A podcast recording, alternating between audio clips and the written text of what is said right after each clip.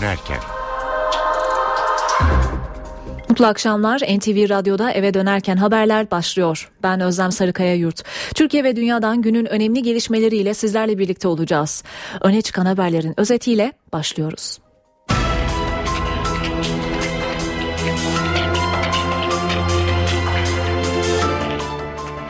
CHP lideri Kemal Kılıçdaroğlu'na yumrukla saldıran zanlı Orhan Ö, daha önce işlediği suçlar nedeniyle uygulanan denetimli serbestlik hükümlerini ihlal ettiği için cezaevine gönderildi.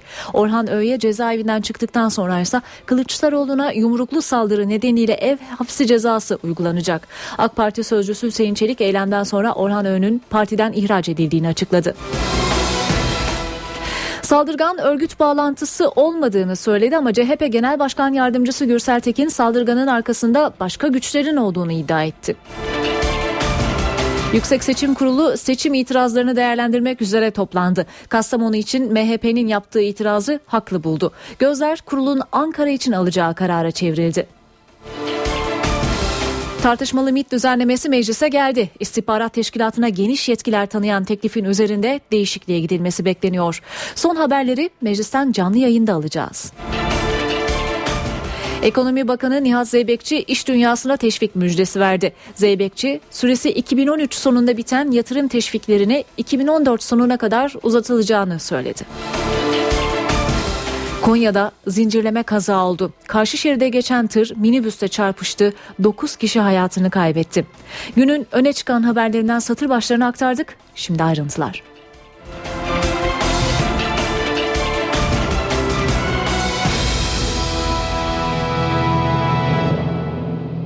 CHP lideri Kemal Kılıçdaroğlu'na mecliste yumrukla saldıran Orhan Ö, adli kontrol şartıyla serbest bırakıldı.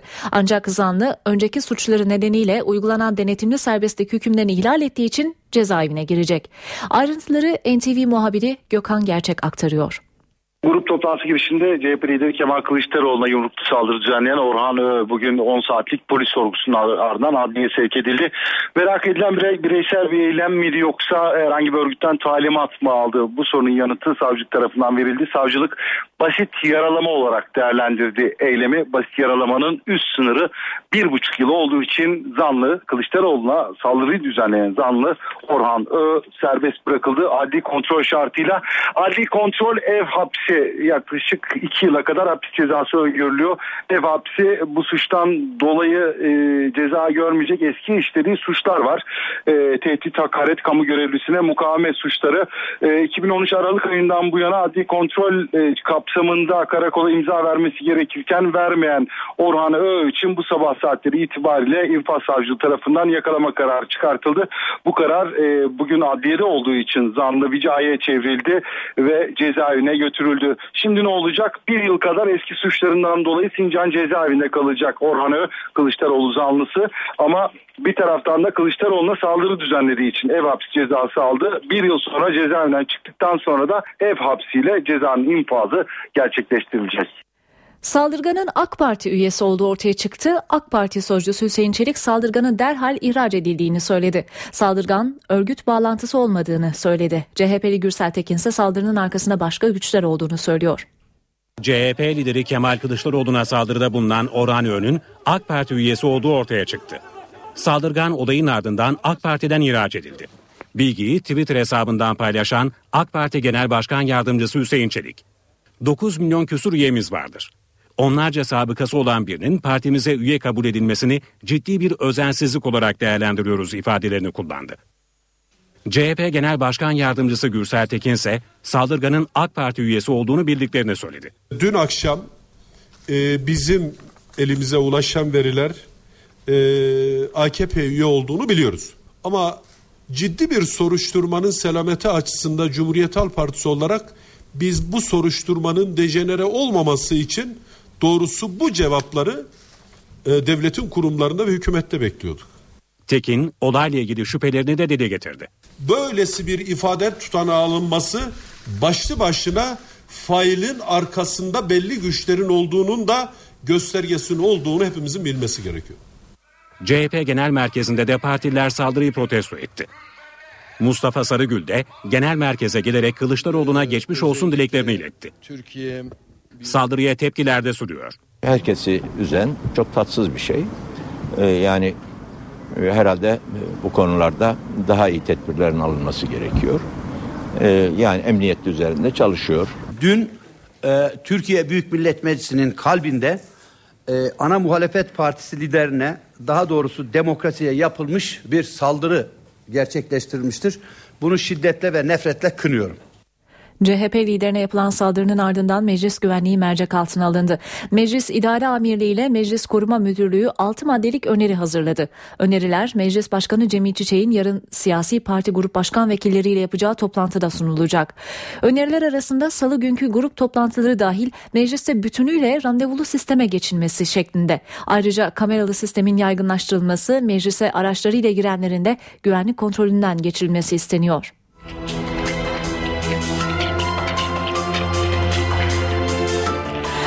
Meclisten sıcak bir gelişmeyle devam edeceğiz. Parlamentoda tartışmalı bir yasa teklifi görüşülüyor. Muhalefetin tepkisine yol açan MIT yasası düzenlemesi genel kurula geldi. Milli İstihbarat Teşkilatı'na yurt dışında operasyon yetkisi veren düzenleme üzerinde önemli değişikliklere gidilmesi bekleniyor. Ayrıntıları NTV muhabiri Özgür Akbaş'tan alacağız. Milli İstihbarat Teşkilatı'nın yapısında köklü değişiklikler içeren düzenleme Meclis Genel Kurulu'nda ele alınmaya başlandı tam 30 yıl önce MIT ile ilgili kanun yürürlüğe girmişti. Yani tam 30 yıl sonra e, MIT kanunu kökten bir şekilde değişiyor. Aslında Şubat ayının son günlerinde meclis seçim tatili girmeden önce teklif İçişleri Komisyonu'nda kabul edildi. Genel kurul gündemine de gelmek üzereydi. Ama e, AK Parti sürpriz bir şekilde o teklifi askıya almıştı. İşte askıya alınan teklif bugün itibariyle e, şu sıralarda Meclis Genel Kurulu'nda ele alınmaya başlandı. 15 maddeden oluşan teklifte çok kritik düzenlemeler var. O düzenlemelerden belki de en kritik olanı Milli İstihbarat Teşkilatı'nın yurt dışında operasyon yapma yetkisinin verilmesi. Teklif dış bu teklifle dış güvenlik, terörle mücadele ve milli güvenliğe ilişkin konularda bakanlar kurulunca Milli İstihbarat Teşkilatı'na operasyon yapma görevi verilmesi düzenleniyor. MİT mensupları görevlerini yerine getirirken ceza ve infaz kurumlarındaki tutuklu ve hükümlülerle önceden bilgi vermek suretiyle görüşebilmesinin de önü açılıyor bu düzenlemeyle.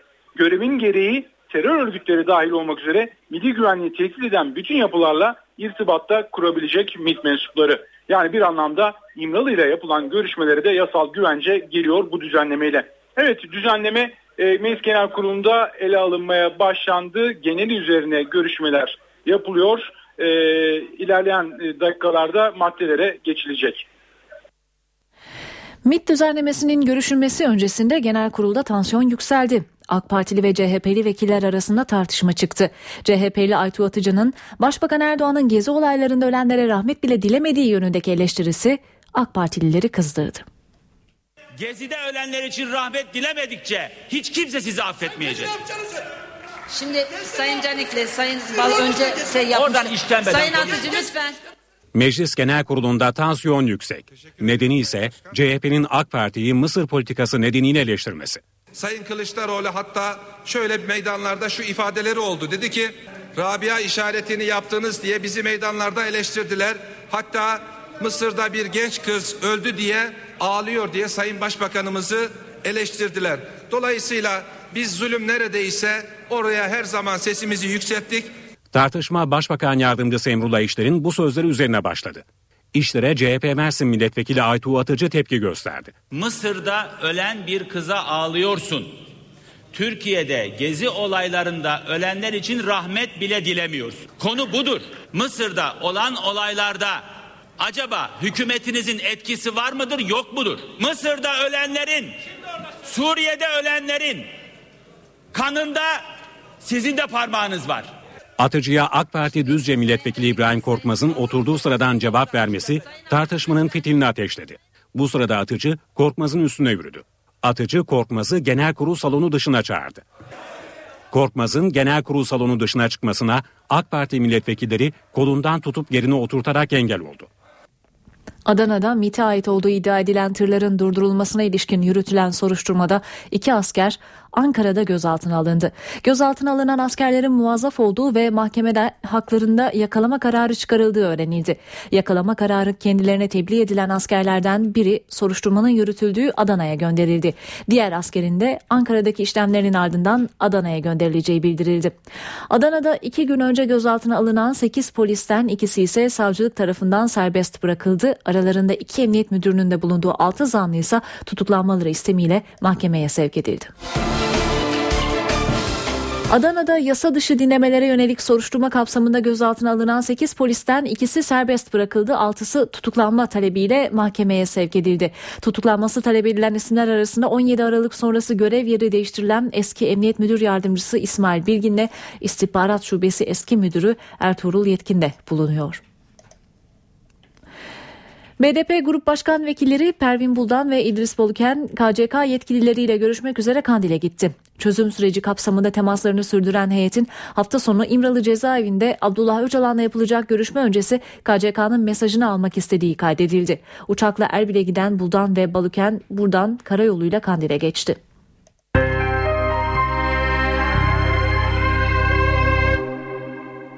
Gözler Yüksek Seçim Kurulu'nda Kastamonu'da MHP'nin yaptığı itirazı haklı buldu. Şimdi Ankara için verilecek karar özellikle merakla bekleniyor. Yüksek Seçim Kurulu'ndan son haberleri NTV muhabiri Deniz Kilislioğlu'ndan öğreneceğiz. Deniz. Yüksek Seçim Kurulu MHP'nin Kastamonu'daki itirazını değerlendirdi ve bir ara karar verdi.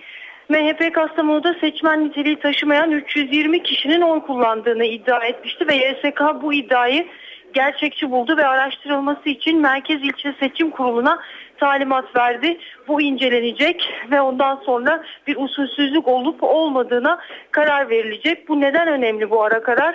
Çünkü AK Parti ve MHP arasındaki oy farkı 227 idi. Eğer Merkez İlçe Seçim Kurulu bu usulsüzlüğün olduğuna karar verirse yani 320 kişinin seçmen niteliği taşımadığı halde oy kullandığına karar verirse bu Kastamonu'daki seçimlerin yenilenmesini gündeme getirebilecek. Ama tabii ki bu bir ara karar. Bununla ilgili olarak Yüksek Seçim Kurulu nihai bir karar verecek. O da ilçe seçim kurulundan gelecek karara göre verilecek. Bu e, Yüksek Seçim Kurulu'nun önündeki bir dosyaydı. Bunun haricinde dört ayrı ile ilişkin de itiraz var. AK Parti Yalova ve Adana'da seçimin iptalini istiyordu. MHP'nin bize Iğdır'da oyların yeniden sayılmasına ilişkin bir itirazı var.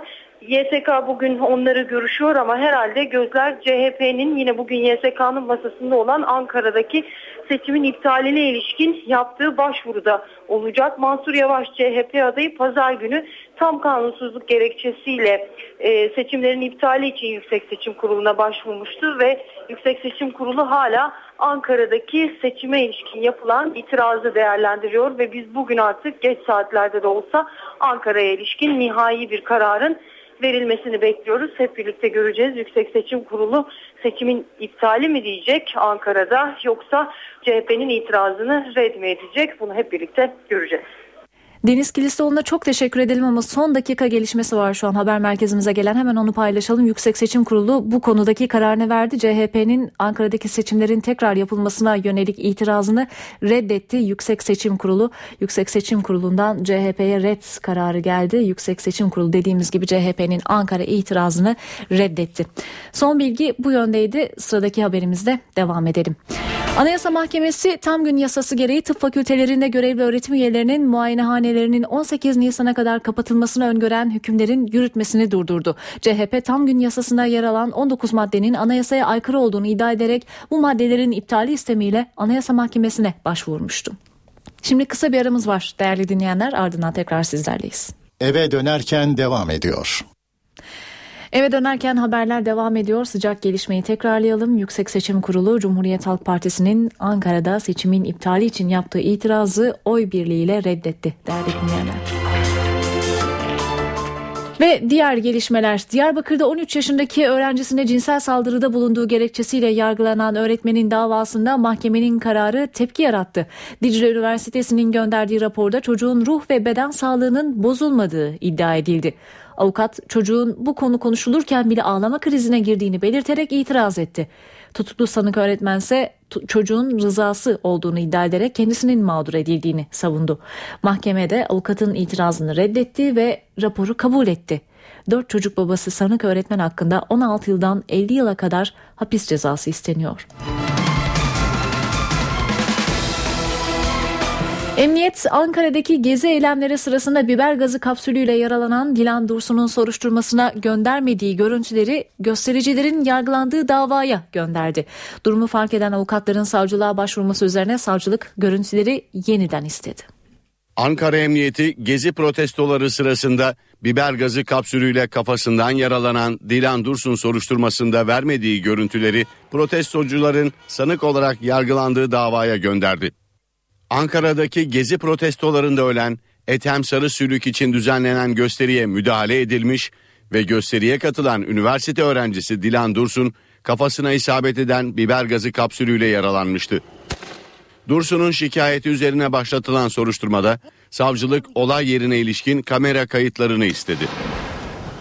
Emniyetten savcılığa gönderilen MOBESE kayıtlarında Dilan Dursun'un vurulduğu caddenin görüntüleri yer almadı. Söz konusu soruşturma sürerken savcılık gösteriye katılan 35 kişi hakkında dava açtı. Bu davada Dilan Dursun soruşturmasında gönderilmeyen görüntüler ortaya çıktı. Durumu fark eden avukat Tongut Cankurt savcılığa başvurdu. Savcılık da emniyetten görüntüleri talep etti.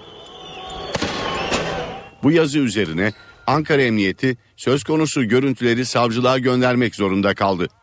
Söz konusu görüntüler Jandarma Kriminal Daire Başkanlığı'na gönderildi ve savcılık Dilan Dursun'un yaralanmasının müdahale sırasında polis tarafından atılan gaz fişeğinden kaynaklanıp kaynaklanmadığının tespitini istedi.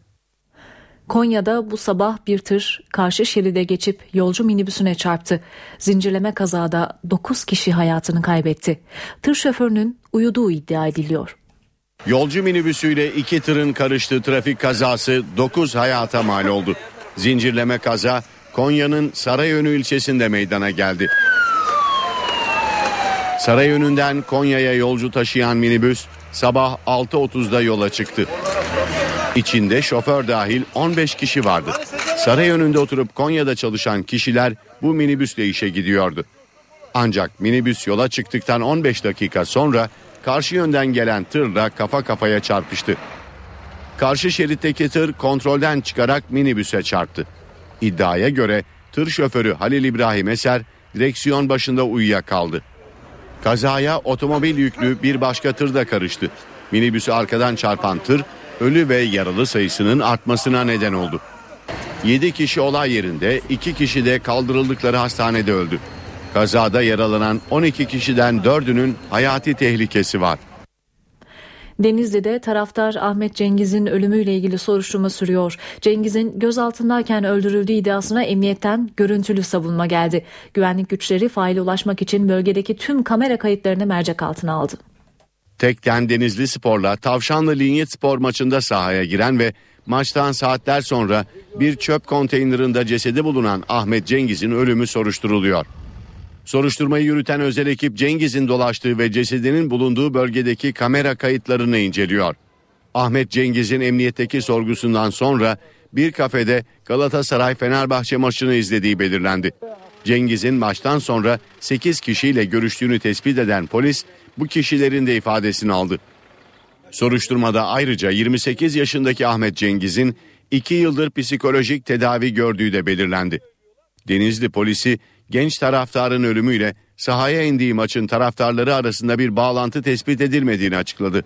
Yapılan otopside ise Cengiz'in vücudunda kırıklar olduğu ve başına aldığı darbelerle beyin kanaması geçirdiği belirlendi. İlik nakli için iyi haber. Sağlık Bakanlığı ve Kızılay'ın girişimiyle Kök Hücre Bankası kuruluyor. Kızılay, gönüllü donörlerin bilgilerini ve kan örneklerini Sağlık Bakanlığı'na gönderecek. Böylece kemik iliği bekleyen hastalar için umut artacak. Türkiye'de resmi verilere göre 500'ü çocuk 770 hasta uygun bir ilik bekliyor. Özellikle lösemi hastaları için artık daha güçlü bir umut ışığı var. Sağlık Bakanlığı ve Kızılay Kök Hücre Bankası projesini hayata geçiriyor. Türkiye'de kök hücreye veya nakil için kemik iliğine ihtiyacı olan insanların bu ihtiyaçlarını karşılamak üzere kurulmuş olan bir konsorsiyum. Türkök projesi için kolları sıvayan bakanlık Kızılay'la işbirliği yaptı. Ortaklığın belki de en önemli yönü Kızılay'ın Türkiye'deki kan bağışının %79'unu sağlıyor olması. Yani donör sayısının fazlalığı. Kızılay'da alınan ikinci tüp kan Sağlık Bakanlığı'nın laboratuvarına gönderilecek ve bilgiler bankada saklanacak. Kızılay'ın kayıtlı 4,5 milyon donörü var. Artık Kızılay'a kan bağışı için gelenlere ayrıca bir soru daha sorulacak. Kök hücre bağışı yapmak ister misiniz? Eğer bu soruya yanıt evet olursa ayrıca bir tüp daha kan alınacak ve bu kan Sağlık Bakanlığı'na gönderilecek. Böylece Kök Hücre Bankası'nın en önemli ayağı olan donör bulma işlemi gerçekleştirilmiş olacak. Mevcut şartlarda hastalar genellikle yurt dışına başvuruyor. Ulusal Kök Hücre Bankası'nın ilik bekleyen hastalar için çare olması planlanıyor. Eğer bir kişi kök hücre vericisi olarak uygun bulunursa bu kişiye 5 gün süren bir aşı yapıyoruz cilt altı küçük bir iğneyle. Bu 5 günün sonunda kanından kök hücreleri toplayıp geri kalanını tekrar kendisine geri veriyoruz. Kızılay, AIDS ve hepatit gibi bulaşıcı hastalıkların erken teşhisi için de yeni bir test sistemini getirdiklerini açıkladı. Her iki proje de yaz aylarında hizmete girecek. Ünlülerin sünnetçisi olarak tanınan Kemal Özkan son yolculuğuna uğurlandı. Levent Camii'ndeki cenaze töreninde Galatasaraylı Kemal Özkan'ın tabutuna sarı kırmızılıların bayrağı örtüldü. Özkan meslek hayatında 130 bin çocuğu sünnet etti. Lokal anestezi uyguladığı için Türkiye'de acısız sünnetin mucidi olarak gösterilen Kemal Özkan Zincirlikuyu mezarlığında toprağa verildi. NTV Radyo'nun yayını Ben Bu İşte Ustayım programıyla devam edecek. Saat başına tekrar biz haberlerimizde sizlerle birlikte olacağız.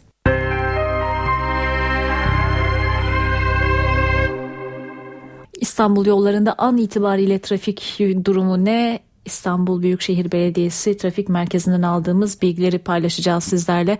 Önce köprülerin durumuyla başlayalım. Boğaziçi Köprüsü diyelim.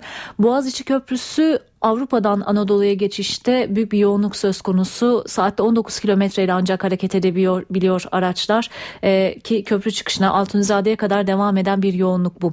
Fatih Sultan Mehmet Köprüsü ise yine Anadolu Avrupa'dan Anadolu'ya geçişte e, köprüye daha girmeden finans kent civarından başlayan bir trafik söz konusu. Köprü üzerinde o yoğun akıcı trafik sürüyor. Köprü çıkışı yine rahat görünüyor ancak e, bir süre sonra yine yoğun bir trafik var. Tem'de e, Anadolu yakasında Ümraniye Elmalı'ya kadar devam ediyor. Tersi yönünde e, Anadolu'dan Avrupa'ya geçişte de yine Fatih Sultan Mehmet Köprüsü'ne girişte Moğla Gürani Viyadüğü'nden başlayan bir yoğunluk söz konusu. Köprü üzeri trafik normal akışına kavuşuyor ve köprü çıkışı da yine aynı şekilde tem üzerinde rahat. Yine Anadolu'dan Avrupa'ya geçişte Boğaziçi Köprüsü'ndeki durumu da aktaralım. Burada trafik Acıbadem Köprüsü'nden başlıyor ve e, Boğaziçi Köprüsü'nün ortalarına kadar devam ediyor. Boğaziçi Köprüsü Avrupa çıkışındaysa e, bir rahatlama söz konusu diyebiliriz. E5 Avrupa yakası özellikle yer yer yoğunluk sürüyor. Özellikle avcılardan başlayan ve Halice kadar devam eden dediğimiz gibi yer yer yoğunluk göze çarpıyor. Özellikle şu an için Bakırköy Bahçeli Evler bandının yoğun olduğunu görüyoruz. Ters yönde de yine Haliç üzerinde bir yoğunluk konusu ee, ve Haliç çıkışında Cevizli Bağ'dan yine Bakırköy'e kadar süren bir yoğunluk söz konusu diyelim ve böylelikle trafik durumunu noktalayalım.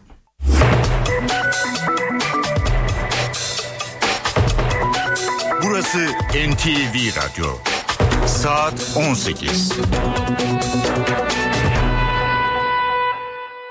Saat 18 NTV Radyo'da eve dönerken haberler devam ediyor. Günün öne çıkan haberlerinden satır başlarını hatırlatacağız. Yüksek Seçim Kurulu CHP'nin Ankara'da seçimin iptaline ilişkin itirazını oy birliğiyle reddetti. Karara tepki gösteren CHP'li Mansur Yavaş oylarımızın takipçisi olacağız dedi. CHP lideri Kemal Kılıçdaroğlu'na yumrukla saldıran zanlı Orhan Ö, daha önce işlediği suçlar nedeniyle uygulanan denetimli serbestlik hükümlerini ihlal ettiği için cezaevine gönderildi. Orhan Ö'ye cezaevinden çıktıktan sonra ise Kılıçdaroğlu'na yumruklu saldırı nedeniyle ev hapsi cezası uygulanacak. AK Parti sözcüsü Hüseyin Çelik eylemden sonra Orhan Ö'nün partiden ihraç edildiğini açıkladı. Tartışmalı MIT düzenlemesi meclise geldi. İstihbarat teşkilatına geniş yetkiler tanıyan teklifin üzerinde değişikliğe gidilmesi bekleniyor. Ekonomi Bakanı Nihat Zeybekçi iş dünyasına teşvik müjdesi verdi. Zeybekçi süresi 2013 sonunda biten yatırım teşviklerini 2014 sonuna kadar uzatacağını söyledi. Amerika'nın Pensilvanya eyaletinde bir okulda 20 öğrenci bıçaklandı. Olayla ilgili bir kişi gözaltında.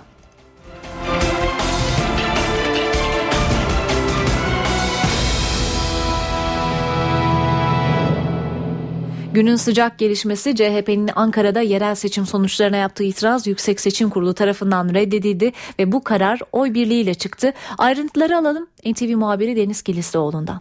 Pazar günü yapılmıştı ve bugün çarşamba Yüksek Seçim Kurulu kararını verdi. CHP'nin seçimlerin iptali talebini reddetti. Seçimlerin iptali konusundaki talep reddedildi CHP'nin. Mansur Yavaş pazar günü dilekçesini Yüksek Seçim Kurulu'na vermişti. 12.334 sandıktan 6.249 sandıkta e, hatalı işlem ve usulsüzlük var demişti Mansur Yavaş. Başvurusunu yapmadan hemen önce kameraların karşısına çıktı çıkmıştı ve bunu söylemişti. Tam kanunsuzluk gerekçesiyle başvurumuzu yapacağız demişti ve sonrasında da Yüksek Seçim Kurulu'na dilekçesini vermişti. İşte Yüksek Seçim Kurulu CHP'nin o itirazını değerlendirdi bugün. Ee, öğlen saatlerinde başlamıştı o değerlendirme ve az önce alabildiğimiz bilgi Yüksek Seçim Kurulu CHP'nin seçimleri Ankara'daki seçimlerin iptaline ilişkin yaptığı başvuruyu reddetti. YSK'ya yapılan itirazdan sonuç alamayan CHP konuyu Anayasa Mahkemesi'ne taşıma kararı aldı. YSK'nın kararını Genel Merkez ve CHP'nin Ankara adayı Mansur Yavaş da sert sözlerle eleştirdi. Ayrıntıları NTV muhabiri Miray Aktağ aktaracak. Cumhuriyet Halk Partisi Genel Merkezi'nden ve CHP'nin Ankara adayı Mansur Yavaş'tan ilk değerlendirmeler geldi. Mansur Yavaş açıklamasını NTV'ye yaptı ve bundan sonra da oylarımızın takipçisi olmaya devam edeceğim dedi. Mansur Yavaş bundan sonraki süreçte Anayasa Mahkemesi dahil her türlü yargı yoluna başvuracağını da ifade etti. Mansur Yavaş yarın bir basın toplantısı düzenleyecek ee, ve o basın toplantısında YSK'dan çıkan kararla ilgili daha detaylı açıklamalar yapacak. Anayasa Mahkemesi'ne başvuracağını söylemiştik CHP'nin. Bunun için bir aylık süre var. Cumhuriyet Halk Partisi seçim güvenliği ile seçilme hakkın ihlali gerekçeleriyle yani seçim güvenliğinin ihlal edildiği seçilme hakkının ihlal edildiği gerekçeleriyle doğrudan Mansur Yavaş tarafından yapacak yapılacak bu başvuru Anayasa Mahkemesi'ne CHP'nin bir sonraki adımı ise Avrupa İnsan Hakları Mahkemesi olacak gibi görünüyor. CHP'den gelen bir başka değerlendirme ise Genel Başkan Yardımcısı Bülent Tezcan'a aitti. Tezcan az önce gazetecilere bir açıklama yaptı ve YSK'nın siyasi etki altında karar verdiğini söyledi. Kamu vicdanının yara aldığı bu konuda bunun yaratacağı siyasi depremin sonuçlarını YSK göze alamadı dedi ve YSK'nın verdiği kararın politik olduğunu savundu. Peki Yüksek Seçim Kurulu bu e, başvuruyu neden reddetti? Hemen onları da aktaralım. 124 bin oy Ankara'da geçersiz sayılmıştı. YSK bu bir iptal gerekçesi değil dedi. CHP ise 124 bin oyun sonucu değiştireceği görüşünde zira iki aday arasında 30 bin oy farkı vardı. Oynama olan tutanaklar vardı. Oynama olan tutanaklar sayılsa dahi sonucu etkilemiyor dedi YSK. CHP ise bunun bir usulsüzlük olduğu görüşündeydi. Sandık tutanaklarının bazılarında mühür yoktu. 2000'den fazla oyun e, iptaline neden olabilecek bir gerekçeydi bu. Ancak e, mühür olmayabilir fakat bu oylar geçerlidir dedi. Yüksek Seçim Kurulu o gerekçeyi de reddetti. Fazladan kullanılan oylar vardı sandıklarda. O oyların kullanılamaması gerekiyordu demişti CHP ama e, Yüksek Seçim Kurulu ona da itiraz ederek oradaki görevliler tarafından kullanılmıştır. O oylar fazladan kullanılan oylar sandık başındaki görevlilerin kendi oylarıdır. Oradaki görevlilerin oylarıdır dedi ve bu gerekçelerle Cumhuriyet Halk Partisi'nin hem yeniden sayım hem de iptal başvurusu yani tüm başvuruları Ankara seçimiyle ilgili tüm başvuruları oy birliği ile reddedilmiş oldu. Miray Aktağ Uluç aktardı değerli dinleyenler. CHP'nin yüksek mahkemeye başvurma kararına dönük hükümetten de bir değerlendirme var. Onu da aktaralım. Başbakan Yardımcısı Emrullah İşler, YSK Ankara'daki seçim sonuçları konusunda son kararını verdi. Anayasa Mahkemesi'ne bireysel bir başvuru olsa bile bu reddedilir dedi. Günün öne çıkan diğer gelişmeleriyle devam edelim. CHP lideri Kemal Kılıçdaroğlu'na meclis koridorunda yumruk atan Orhan Ö bu suçtan adli kontrol şartıyla serbest bırakıldı. Ancak zanlı daha önceki suçları nedeniyle uygulanan denetimli serbestlik hükümlerini ihlal ettiği için cezaevine gönderildi. Saldırgan emniyetteki ifadesinde görüşlerini beğenmediği için Kılıçdaroğlu'na saldırdığını söyledi. CHP lideri Kemal Kılıçdaroğlu'na yumruk attı, adli kontrol şartıyla serbest kaldı. CHP grup toplantısı öncesinde Kemal Kılıçdaroğlu'na yumruk atan Orhan Ö, Ankara Emniyetindeki 10 saatlik sorgusunun ardından adliyeye sevk edildi. Orhan Ön'ün ifadesini alan Cumhuriyet Savcısı Sadık Bayındır, zanlıyı hakkındaki adli kontrol hükümlerinin uygulanması talebiyle mahkemeye sevk etti. Nöbetçi Ankara 2. Sulh Ceza Mahkemesi de Orhan Ö'yü basit yaralama suçundan adli kontrol şartıyla serbest bıraktı. Mahkeme zanlının yaklaşık iki yıl ev hapsinde tutulmasına karar verdi. Ancak Orhan Ö, kendisi hakkında daha önce verilen denetimli serbestlik hükümlerini ihlal ettiği için bir yıl cezaevine girecek. Bir yıllık sürenin dolmasının ardından Kılıçdaroğlu'na yönelik saldırı sebebiyle 9 ay ev hapsinde tutulacak. Orhan Ön'ün emniyette verdiği ifade de ortaya çıktı. İfadesinde Kılıçdaroğlu'na görüşlerini beğenmediği için saldırdığını söyledi.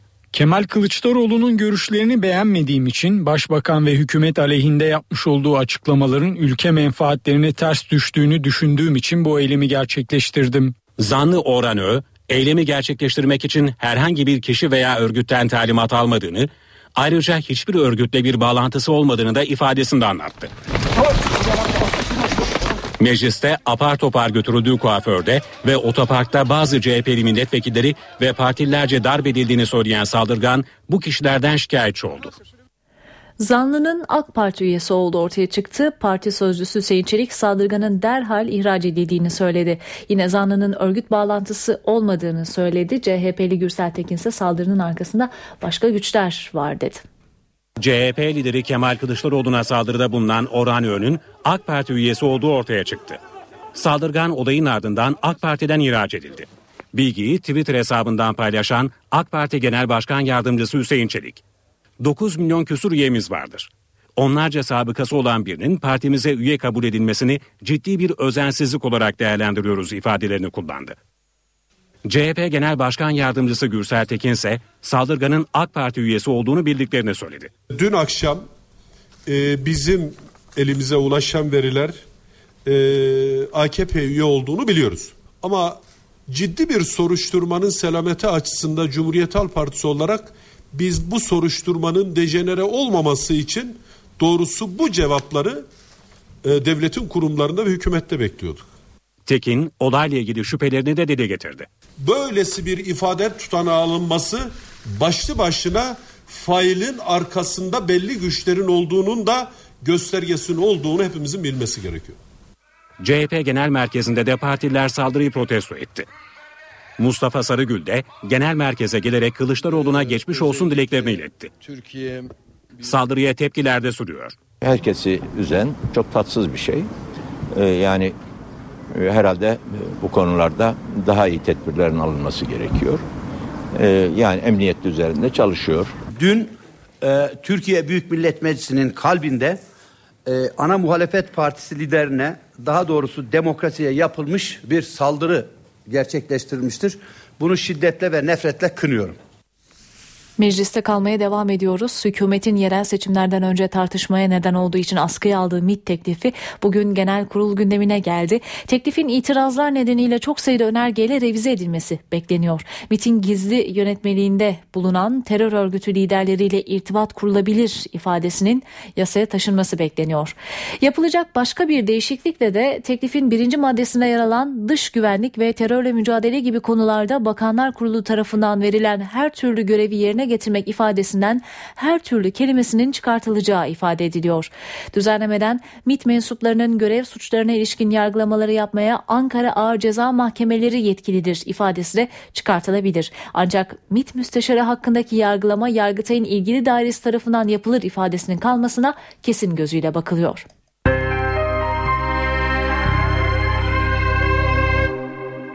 Adana'da yasa dışı dinlemelere yönelik soruşturma kapsamında gözaltına alınan 8 polisten ikisi serbest bırakıldı. 6'sı tutuklanmaları talebiyle mahkemeye sevk edildi. Tutuklanması talep edilen isimler arasında 17 Aralık sonrası görev yeri değiştirilen eski emniyet müdür yardımcısı İsmail Bilgin'le istihbarat şubesi eski müdürü Ertuğrul Yetkin de bulunuyor. Gezi eylemleri sırasında talimhanede bir kişiyi yaralamakla suçlanan Palalı saldırgan Sabri Ç. hakkında açılan 3. davanın ilk duruşması görüldü. Sanık şikayetçiyi ilk kez gördüğünü, olayın içinde olup olmadığını da bilmediğini söyledi. Çelebi'nin tutuklanması talebini reddeden hakim bu davayı sanığın 27 yıla kadar hapsi istenen ana davayla birleştirdi. 9 yaşındaki Mert Aydın'ın cinsel saldırı sonrası öldürülmesi Kars'ta tepkiye yol açtı. Katil zanlısı her yerde aranıyor. Bugün sosyal medya üzerinden Kars'ta bir okulda öğrencilerin kaçırıldığı söylentisi yayıldı. Veliler korktu. Okul müdürü iddianın asılsız olduğunu söylese de tedirgin olan veliler çocuklarını eve götürdü. Bazı veliler Mert Aydın'ı öldüren zanlı yakalanana kadar çocuklarını okula göndermeyeceklerini söylüyor. Kars valisi Eyüp Tepe NTV yayınında Küçük Mert'in ölümüyle ilgili yürütülen soruşturma ilişkin bilgileri paylaştı. Ankara'dan destek amacıyla bir ekip geldi zanlıya ulaşacağız dedi. Valinin tedirgin olan velilere de mesajı vardı. Bu üzücü olayın failinin yakalanması konusunda e, emniyet kuvvetlerimiz e, bütün gücüyle çalışıyorlar. Her türlü teknik e, imkanlarımızı kullanıyoruz. Ankara'dan da aynı zamanda bir destek ekibi de geldi. Cinayet konularında duyarlı bir ekip. Şimdi bu konuyla alakalı tabii çok fazla detaya giremiyoruz ama çalışmalarımızı devam ettiriyoruz. Bütün e, her türlü şey alındı. Zanlıyla alakalı olabilecek her türlü şey alındı. Bundan sonra artık e, arkadaşların teknik çalışmalarının sonucunda belli bir noktaya ulaşacağımızı ümit ediyoruz. Tabii ben bu safhada e, vatandaşlarımızı da sizin aracılığınızla e, daha sağduyulu olmaya davet etmek e, durumundayım. Soruşturmanın selameti açısından şu anda sağduyulu olmak durumundayız. Yani arkadaşlarımız bütün özleriyle yani inanın gece yani ikisi üçünde dahi her türlü ihbarı değerlendirerek e, incelemelerde bulunuyorlar, e, değerlendirmelerde bulunuyorlar. Ben tabii ki bütün vatandaşlarımızı sağduyulu olmaya davet ediyorum. Yani o hepimizin evladı, hepimiz çoluk çocuk sahibiyiz. Bu manada tabii herkesin açısının e, farkındayız. Bunu da e, bu arada belirteyim ama dediğim gibi arkadaşlarımıza yardımcı olmak durumundayız. Çünkü şu aşamada yapılabilecek her türlü toplumsal eylem belki haklı, belki çok duyarlılık göstergesi fakat bizim gücümüzü ikiye e, maalesef bölmek durumunda kalıyoruz. Aynı Kayseri'deki olay gibi biz de e, Asayiş Daire Başkanlığı'ndan bu konuda tecrübeli arkadaşlarımızın da desteğiyle bizim e, Kars'taki emniyet kuvvetlerimizle birlikte onlar onlara teknik danışmanlık ve destek de sağlıyorlar. Birlikteler şu anda, birlikte çalışıyorlar. Yani sadece bizim yereldeki e, imkanlarımız değil, Ankara'nın imkanlarını da kullanarak e, bu konuyu çözmek istiyoruz. Böyle zamanlarda ister istemez yani yalan yanlış, e, provokatif haberler çıkabiliyor ve yani bütün bir ili tabiri caizse rahatsız edici bir noktaya ulaşabiliyor. Böyle bir olay yok. Böyle bir olayın aslı yok. Fakat bir yerden çıkıyor ve o dedikodu e, sanki gerçekmiş gibi algılanıp ister herkes rahatsız olmuş oluyor. Diyarbakır'da 13 yaşındaki öğrencisine cinsel saldırıda bulunduğu gerekçesiyle yargılanan öğretmenin davasında mahkemenin kararı tepki yarattı. Dicle Üniversitesi'nin gönderdiği raporda çocuğun ruh ve beden sağlığının bozulmadığı iddia edildi. Avukat çocuğun bu konu konuşulurken bile ağlama krizine girdiğini belirterek itiraz etti. Tutuklu sanık öğretmense çocuğun rızası olduğunu iddia ederek kendisinin mağdur edildiğini savundu. Mahkemede avukatın itirazını reddetti ve raporu kabul etti. Dört çocuk babası sanık öğretmen hakkında 16 yıldan 50 yıla kadar hapis cezası isteniyor. Değerli dinleyenler şimdi kısa bir aramız var. Ardından tekrar haberlerimizi aktarmayı sürdüreceğiz. Eve dönerken devam ediyor. Para ve sermaye piyasalarındaki işlemlere bakarak devam edelim. Borsa İstanbul günü 72.525 puandan tamamladı. Serbest piyasada dolar 2 lira 11 kuruş, euro 2.92'den işlem gördü. Kapalı çarşıda ise Cumhuriyet altını 594, çeyrek altın 145 liradan satıldı.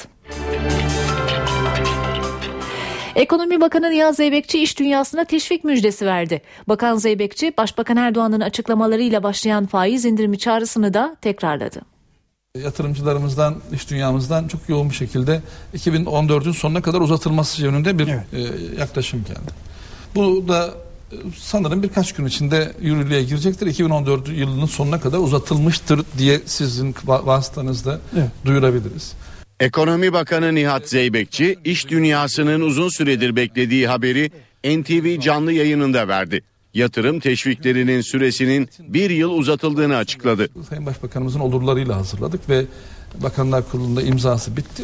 Nihat Zeybekçi yatırımcılara bedelsiz arazi tahsisinden, sigorta primi işveren payının hazine tarafından ödenmesine kadar birçok teşviğin yanı sıra başka düzenlemeler hazırladıklarını da söyledi. İhracat faaliyetlerimizin desteklenmesiyle ilgili yoğun bir atılımımız evet. olacak. Yani şu anda geçen sene destekleme fiyat istikrar fonundan yaklaşık olarak 1 milyar TL civarında bir desteğimiz oldu. Bunu 2014 yılında artırabildiğimiz kadar artıracağız ama hedefimiz şu. ihracatımızın e, 152 milyar dolar olduğu bir şeyde yüzde bir dediğimiz zaman bunu 1,5 milyar dolarlık bir seviyeye çekmek. Bakan Zeybekçi Merkez Bankası'na da seslendi ve hem Başbakan Erdoğan'ın açıklamalarıyla başlayan faiz indirimi çağrısını tekrarladı hem de döviz kuru için ihracatçının beklediği seviyeyi anlattı. O günkü gerekçeler ortadan kalktı. Piyasaların önünde bu yönde bir beklentiyi körüklemesi lazım. Yani cesaretlendirmesi lazım piyasaları ki önümüzdeki dönemde e, bu gerçekleşebilsin diyorsun. Bu kurum burada oturması gerektiğine inanıyoruz. 2.15-2.25 aralığında. Bankalar 28 Mayıs'ta yürürlüğe girecek yeni tüketici kanunu ile birlikte kullanılmayan mevduat hesaplarından hesap işletim ücreti alabilecek. Tüketiciler Derneği Genel Başkanı Aydın Ağoğlu vatandaşın kendilerine gönderilen telefon mesajlarına dikkat etmeleri çağrısı yaptı. Haberiniz olmadan borçlanmak istemiyorsanız çalışmayan banka hesaplarınızı kapatın dedi. Müşterilerin hesaplarını kapatmak için banka şubelerine gitmesini tavsiye eden Ağoğlu müşteri hizmetlerini arayanların ise telefon görüşmesinin tarih ve saatini kaydetmelerini önerdi. Banka hesapları bankaların internet şubeleri, ATM'ler, şubeler ve çağrı merkezleri aracılığıyla kapatılabiliyor. Bir başka haberle devam edelim. Uluslararası Para Fonu IMF Dünya Ekonomik Görünümü raporunu yayınladı. IMF'nin tahminine göre bu yıl Türkiye'nin büyüme hızı yavaşlayacak, enflasyon yükselecek. Fon dünya içinse iyimser bir tablo çizdi. Türkiye'deki ekonomik büyüme hızı, Türk lirasındaki zayıflama, özel tüketim oranlarındaki azalma ve kredi maliyetlerinin artması nedeniyle daha önce tahmin edilenden daha fazla yavaşlayacak. Bu tespit Uluslararası Para Fonu IMF'den geldi. IMF yılda iki kez yayınladığı Dünya Ekonomik Görünümü raporunu kamuoyuyla paylaştı. Geçen Ekim'de yapılan değerlendirmede 2004 yılındaki büyüme oranını %3,5 olarak öngören IMF bu oranı %2,3'e çekti. IMF'ye göre Türkiye'deki büyüme oranı 2015'te ise %3,1'e yükselecek. Raporda Türk ekonomisinin hassas noktalarından biri olan cari işlemler açığının bu yıl %7,9'dan %6,3'e düşeceği de tahmin ediliyor. Uluslararası Para Fonu Türkiye için 2014 yılı enflasyon tahminini de %5,3'ten %7,8'e yükseltmiş durumda. IMF küresel ekonominin ise toparlanmakta olduğunu belirtiyor. Buna göre geçen yıl %3 olan büyüme oranı bu yıl %3,6'ya çıkacak. 2015'te ise %3,9 olacak. Toparlanma güçleniyor. En iyi toparlanma Amerika Birleşik Devletleri'nde. Almanya ve İngiltere'nin performansı da iyi. Avrupa için öngörünüm son iki yılda ilk defa olumlu. IMF bu olumlu tespitlere karşın aşağı yönlü risklerin devam ettiğini de vurguluyor.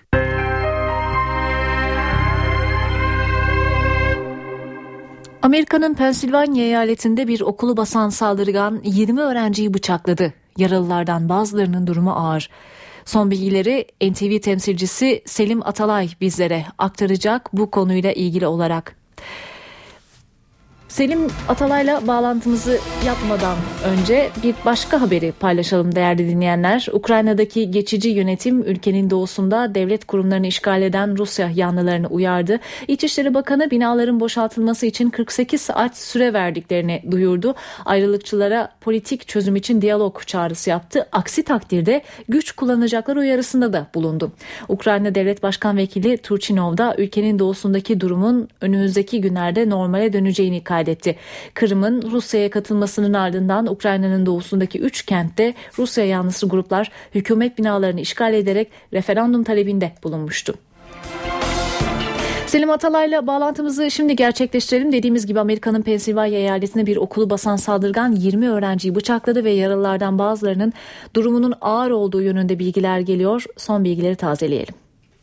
Sabah erken saatlerde okulun açılış saati bu yer küçük bir kasaba Pittsburgh kentinin yaklaşık 30-35 kilometre dışında e, bir e, lise bir lise öğrencisi olduğu anlaşılıyor saldırganın okul girişinde ya da okulun işte e, toplanma noktasında bıçakla çevresindekilere saldırıyor. Hedef gözetmeden saldırdığı zannedilmekte.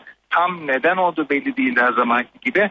Ama e, toplu olarak e, bıçak kalabalığa bıçakla dalıp e, önüne gelene salladıktan sonra işte başlayan panik, e, koşturma, okulun karışması, e, polisin gelmesi vesaire 20 yaralı denmekte. E, yaralılardan 3-4 tanesinin durumu ciddi bölge hastanelerinde e, değişik hastanelerde kaldı, zorunda kaldılar. E, saldırgan gözaltında e, bir okul öğrencisi demiştik tekrar. E, neden olduğu belli değil e, ve uzun zamandır bu tür bıçakla saldırı ilk kez yaşanıyor. Yani e, tabancayla genellikle saldırılar ve tabancayla saldırmaması sadece bir tercih sebebi olmalı. Çünkü e, öğrencilerin tabancaya ulaşması Amerika'da gayet kolay bir şey. Ateşli silahlara ulaşması yalnızca bu kez bıçak tercih edilmiş nedense onu söyleyebiliriz. Ve de e, tekrar bir okul güvenlik sorunu e, kitlesel eylemlerden bir tanesi ve Amerika'nın süren sorunlarından bir tanesi. 17 Aralık operasyonu zanlılarından Rıza Zarrab'ın iş ortağı İranlı iş adamı Babek Zencani ülke dışındaki bağlantılarına ilişkin Tahran yönetimine bilgi verdi. Parlamentoda kurulan araştırma komisyonu Zencani'nin Türkiye, Malezya ve Tacikistan'daki bağlantılarının kimliklerini açıkladığını duyurdu. Komisyon üyesi bir vekil Zencani'nin söylediği bağlantılarla irtibata geçip yurt dışındaki mal varlığı konusunda yeni bilgiler ulaştık dedi. İran yetkililer Zencani'nin ülke içindeki mal varlığının devlete olan borcunu kapatmaya yetmedi yetmediğini, bu nedenle yurt dışındaki mal varlığının izini bulmaya çalıştıklarını ifade ediyor. Yolsuzluk ve evrakta sahtecilik yapmakla suçlanan Zencani'nin İran devletine 2 milyar euronun üzerinde borcu bulunuyor. Saat 18.28 öne çıkan haberlerin satır başlarını hatırlayarak devam edelim. Yüksek Seçim Kurulu CHP'nin Ankara'da seçimin iptaline ilişkin itirazını oy birliğiyle reddetti. CHP konuyu Anayasa Mahkemesi'ne taşıma kararı aldı. Genel Başkan Yardımcısı Bülent Tezcan, YSK'nın siyasi etki altında karar aldığını savundu. Ankara adayı Mansur Yavaş da oylarımızın takipçisi olacağız dedi. Sükunet çağrısı yaptı. CHP lideri Kılıçdaroğlu'na yumrukla saldıran zanlı Orhan Ö, daha önce işlediği suçlar nedeniyle uygulanan denetimli serbestlik hükümlerini ihlal ettiği için cezaevine gönderildi. Orhan Ö'ye cezaevinden çıktıktan sonra ise Kılıçdaroğlu'na yumruklu saldırı nedeniyle ev hapsi cezası uygulanacak. AK Parti sözcüsü Hüseyin Çelik eylemden sonra Orhan Ö'nün partiden ihraç edildiğini açıkladı. Tartışmalı MIT düzenlemesi meclise geldi. İstihbarat teşkilatına geniş yetkiler tanıyan teklifin üzerinde değişikliğe gidilmesi bekleniyor. Adana'da yasa dışı dinlemelere yönelik soruşturma kapsamında gözaltına alınan 8 polisten ikisi serbest bırakıldı, 6'sı ise tutuklanmaları talebiyle mahkemeye sevk edildi. Uluslararası Para Fonu IMF Dünya Ekonomik Görünümü raporunu yayınladı. IMF'nin tahminine göre bu yıl Türkiye'nin büyüme hızı yavaşlayacak, enflasyon yükselecek.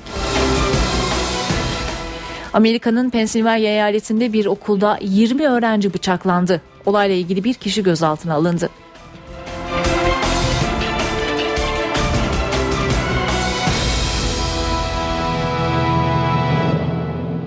Şimdi yurt geneli için hava tahminlerini alacağız. NTV Meteoroloji Editörü Gökhan Aburu dinliyoruz. İyi akşamlar. Sıcaklıklar yarın da yüksek ama Cuma günü Trakya'da, hafta sonu ise Marmara, Batı Karadeniz ve iç kesimlerde yeniden azalacak. Yarın Akdeniz, İç Anadolu ve Doğu'daki yağışlar aralıklarla devam ederken Batı yeniden yağışlı havanın etkisine girecek. Yağışlar akşama doğru Kuzey Ege ve Trakya'da daha da kuvvetlenerek iç kesimlere doğru ilerleyecek. Cuma günü yağışlar Doğu Anadolu ve Güneydoğu'da etkisini kaybederken Batı Akdeniz, Ege, Marmara, Karadeniz'in tamamı İç Anadolu'nun batısında yer yer kuvvetli olmak üzere devam edecek. Kuzey Ege, Marmara, Batı ve Orta Karadeniz'deki yağışların cumartesi günü aralıklarla devam etmesini bekliyoruz. İstanbul'da yarın ama parçalı bulut. Sıcaklık 17 derece olacak. Gece saatlerine doğru yağmur bekliyoruz. Cuma ve cumartesi günü İstanbul'da yağmur var. Ankara'da ise yarın hava az bulutlu ve sıcaklık Lodos'ta 20 derecenin üzerine çıkacak. İzmir'de yarın hafif yağmur başlayacak. Sıcaklık 20 derece. Yarın gece yağmur giderek kuvvetlenecek. Hepinize iyi akşamlar diliyorum. Hoşçakalın. Şimdi kısa bir araya gidiyoruz. Reklamların ardından eve dönerken haberler devam edecek. Eve dönerken devam ediyor. NTV Radyo'da haberleri aktarmayı sürdürüyoruz. Bayburt'un Bayraktar Köyü'nde kurulan baskı müzesine 2014 Avrupa Konseyi Müze Ödülü dün akşam törenle verildi.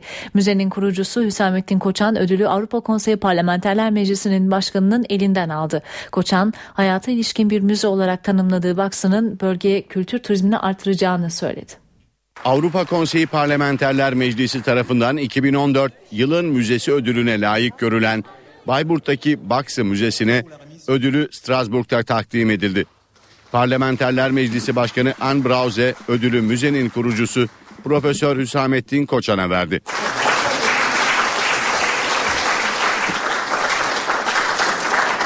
Törene Avrupa Birliği Bakanı ve Baş Müzakereci Mevlüt Çavuşoğlu, CHP Antalya Milletvekili Deniz Baykal, MHP Ankara Milletvekili Tuğrul Türkeş gibi isimler de katıldı. Öyle bir ödülün buradan verilmesi e, şeyde o bölgeye yönelik galiba en azından kültür turizminin ilgisinin arttığını düşünüyorum, artacağını düşünüyorum. Şimdi burada hemen herkes oraya gelmek istiyor. Bayburt'a 45 kilometre uzaklıkta Çoruh Vadisi'ne bakan bir tepenin üzerinde kurulu olan müzede çağdaş sanat ve geleneksel el sanatları aynı çatı altında bulunuyor. Sergi salonları, atölyeler, konferans salonu, kütüphane ve konuk evleriyle 30 dönümlük bir araziye kurulan Baksı Müzesi 2010 yılında açılmıştı. Yunanistan'da kamu ve özel sektör çalışanları bugün iş bıraktı. Grevin iki sebebi vardı. Biri hükümetin kemer sıkma politikaları, diğeri ise Almanya Başbakanı Angela Merkel'in Atina'ya yapacağı ziyaret. Almanya Başbakanı Angela Merkel'in yaklaşan ziyareti Yunanistan'da hayatı durdurdu. Kemer sıkma politikalarını protesto eden tüm kamu ve özel sektör çalışanları bir gün süreyle greve gitti. Ülke genelinde okullar, hastaneler ve eczaneler kapandı, toplu taşıma ve hatta limanlar da hizmet vermedi. Protestonun merkezi başkent Atina'ydı. Parlamento binasına yürüyen binlerce kişi ülkeyi dar boğaza sokan ekonomik reformların sonlandırılması çağrısı yaptı. Hükümet işçilerin aleyhinde önlemler alıyor. İşsizlik ve yoksulluk arttı. Toplu maaş sözleşmeleri iptal ediliyor. Bu sebeple grevdeyiz. Eleştirilerin hedefinde hükümet kadar Almanya Başbakanı Angela Merkel de vardı. Angela Merkel, Yunanistan'da kemer sıkma önlemlerinin mimar olarak görülüyor. Merkel, Yunanistan'a yardım paketi karşılığında harcamalarda kesinti yapması ve vergileri artırması için hükümete baskı yapmakla suçlanıyor. Angela Merkel, Cuma günü Atina'da Başbakan Antonis Samaras'la görüşecek. İngiltere'de yolsuzluk iddiası Kültür ve Spor Bakanı'nı koltuğundan etti. Devlet ödeneklerini usulsüz kullanmakla suçlanan İngiliz bakan istifasını sundu. Başbakan David Cameron da istifayı kabul ettiğini açıkladı. Ailesi için satın aldığı evin kredisini devlet ödenekleriyle ödemekle suçlanan Miller bu iddialardan aklanmış ve 6 bin sterlin ödemeye mahkum edilmişti. Ancak milletvekillerinin mali faaliyetlerini denetleyen bağımsız bir komisyonun Miller'ın 45 bin sterlin ödemesi gerektiği yönündeki tavsiyesi tartışmalara sebep olmuştu. Tüm dünyada izlenme rekorları kıran taht kavgası uzayacak. Türkiye'de CNBC'den diziyi takip edenlerin beklediği haberi de verelim. Game of Thrones iki sezon daha devam edecek. Yapımcılar 5 ve 6. sezonunda çekilmesine karar verdi. Taht kavgası o kadar çabuk sona ermeyecek. Dünya çapında milyonlarca izleyiciyi ekran başına kilitleyen Game of Thrones'un iki yeni sezonu daha çekilecek. Dizinin yapımcıları Amerikalı televizyon kanalı HBO ile 5. ve 6. sezonlar için el sıkıştı. Bu kararın arkasında 4. sezona olan rekor ilgi yatıyor. Amerika Birleşik Devletleri'nde pazar günü yayınlanan 4. sezonun ilk bölümü 6,6 milyon izleyiciye ulaştı. Böylelikle Game of Thrones The Sopranos dizisine ait olan izlenme rekorunu kırdı. Sopranos'un finali 5,5 milyon izleyiciyi ekran başına kilitlemişti. CNBC'de de yayınlanan Game of Thrones'da 6. sezondan sonra ne olacağıysa tamamen serinin yazarı George R. R. Martin'e bağlı. Usta yazar şu an 7 kitaptan oluşacak serinin 6.sını kaleme alıyor. Çekimleri Kuzey İrlanda, Malta, Hırvatistan, İzlanda ve Fas'ta yapılan dizi 7 krallıktan oluşan Westeros'ta demir taht için verilen savaşı konu alıyor. Dizide Peter Dinklage, Lena Headey, Sibel Kekilli gibi usta oyuncular yer alıyor. Game of Thrones ABD yayınıyla aynı gün pazartesileri 22'de CNBC ekranına geliyor. Kral Türkiye Müzik Ödülleri 2013 adayları yarın açıklanıyor. Müzik dünyasının ünlü isimlerinden oluşan jüri ve 4 milyona yakın halk oyu finale kalan isimleri belirledi. 8 Nisan'da yapılan değerlendirmenin sonuçları yarın saat 12'de Kral TV, Kral FM ve Kral Pop Radyo ortak yayınında açıklanacak. Ünlü senarist ve şarkı sözü yazarı Meral Okay ölümünün ikinci yıl dönümünde Zincirli Kuyu'daki mezarı başında anıldı. Muhteşem Yüzyıl dizisi oyuncularının da hazır bulunduğu törende duygusal anlar yaşandı. Asmalı Konak, Yasemince, Bir Bulut Olsam, Muhteşem Yüzyıl gibi televizyonda yayınlandığı dönemde izlenme rekorları kıran dizilerin senaristi olan Okay kanser tedavisi görürken 9 Nisan 2012'de hayatını kaybetmişti. NTV Radyo'da eve dönerken haberlerde şimdi kültür sanat diyeceğiz. Günün etkinliklerinden bir derleme sunuyoruz. Saat başına tekrar sizlerle olacağız. Eve dönerken devam ediyor. Saat 19 eve dönerken haberlerde günün öne çıkan başlıklarını aktararak devam ediyoruz. Gölbaşı Sulh Ceza ve Asliye Ceza Mahkemeleri YouTube'a erişim yasağı kararını kaldırdı. Telekomünikasyon İletişim Başkanlığı mahkeme kararı kendisine ulaştıktan sonra erişimin açılıp açılmayacağına karar verecek. YouTube'un Türkiye'deki avukatı Dışişleri Bakanlığı'ndaki Suriye konulu gizli toplantıya ait dinleme kayıtlarının siteden kaldırıldığını duyurdu. Yüksek Seçim Kurulu CHP'nin Ankara'daki yerel seçim sonucuna ilişkin yaptığı itirazı oy birliğiyle reddetti. Ana muhalefet partisi kararı Anayasa Mahkemesi'ne taşıyacak. Yüksek Seçim Kurulu Ankara seçiminde geçersiz sayılan 124 bin oyun iptal nedeni olamayacağı ve oynama, oynama yapılmadığını iddia edilen tutanakların sonucu etkilemediği gerekçesiyle başvuruyu reddetti. CHP Genel Başkan Yardımcısı Bülent Tezcan, YSK'nın siyasi etki altında karar aldığını savundu. Ankara'dayım Mansur Yavaş da oylarımızın takipçisi olacak olacağız dedi, sükunet çağrısı yaptı. CHP lideri Kemal Kılıçdaroğlu'na yumrukla saldıran zanlı Orhan Ö daha önce işlediği suçlar nedeniyle uygulanan denetimli serbestlik hükümlerini ihlal ettiği için cezaevine gönderildi. Orhan Ö'ye cezaevinden çıktıktan sonra ise Kılıçdaroğlu'na yumruklu saldırı nedeniyle ev hapsi cezası uygulanacak. AK Parti sözcüsü Hüseyin Çelik eylemden sonra Orhan Ö'nün partiden ihraç edildiğini açıkladı.